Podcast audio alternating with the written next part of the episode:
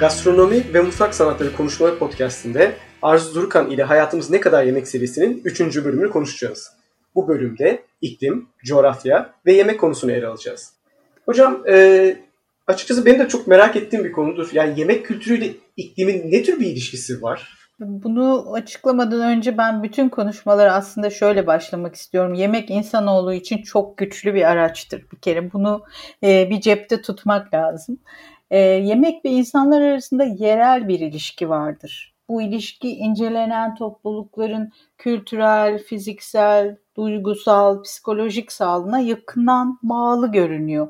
E, bu nedenle de iklim farklılıklarının topluluklar üzerindeki etkilerine bakıldığında görülür ki topluluk kültürü üzerindeki iklim etkileri geleneksel yiyeceklerin önemiyle doğrudan bağlantılıdır. Yani aslında iklim toplulukları ve o toplulukların yaşam şeklini dolayısıyla kültürünü etkilerken kültürün önemli unsurlarından birisi olan yemek kültürünün bunlardan etkilenmemesi beklenemez.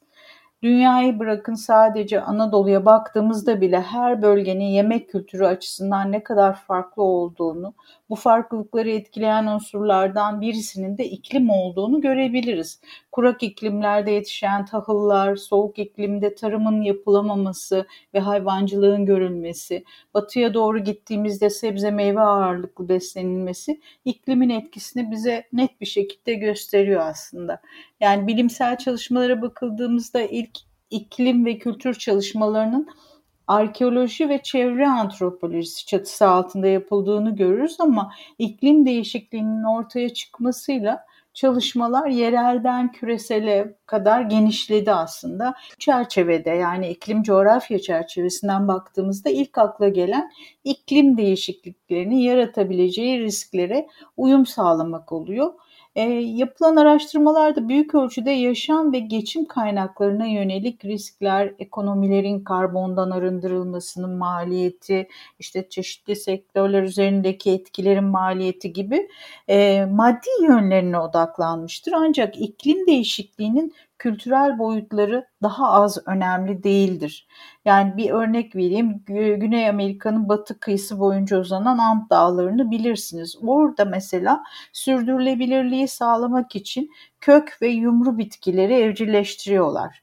Çalışma şöyle bir sonuç çıkartıyor. Çiftçilerin eğitilmesi gerekir, tüketicilere mahsullerin tanıtılması gerekir, ürünlerin kültürel geçmişlerinin insanlara anlatılması gerekir ve bu ürünlerin satılabilmesi için pazarların kurulması gerekir diye. Ki neden bu örneği veriyorum? Bu örnek dünyanın her yerinde, her bir ülke, her bir topluluk için aslında geçerli olmalı ve kendi toprağında yetişen e, ve insanın alışkın olduğu ürünlerin yetiştirilmesi ve pazarlanması gerekir e, kültür hem iklim değişikliğinin hafifletilmesi hem de buna uyumun anlaşılması için önemli bir araç. Yani e, sera gazı emisyonlarına neden olan baskın üretim, tüketim, yaşam tarzları ve sosyal organizasyon biçimlerine kültür gömülüdür aslında.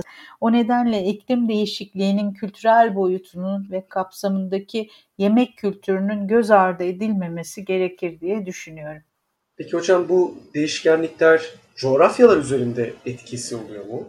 Ve yani yemek kültüründe değişikliklere sebep oluyor mu? Aslında şöyle yemek gıda çok yönlü bir ve bölgesel olarak nüanslı bir üründür ve insan sağlığıyla da direkt ilişkilidir. Yani yine iklimde konuştuğumuz gibi şehirlerin, ülkelerin, toplulukların bulundukları coğrafi koşullara bakarsak o bölgedeki insanların ne ürettiklerini, ne yetiştirdiklerini, ne tükettiklerini coğrafya belirler coğrafya belirleyen unsurlardan biridir ya da öyle diyelim.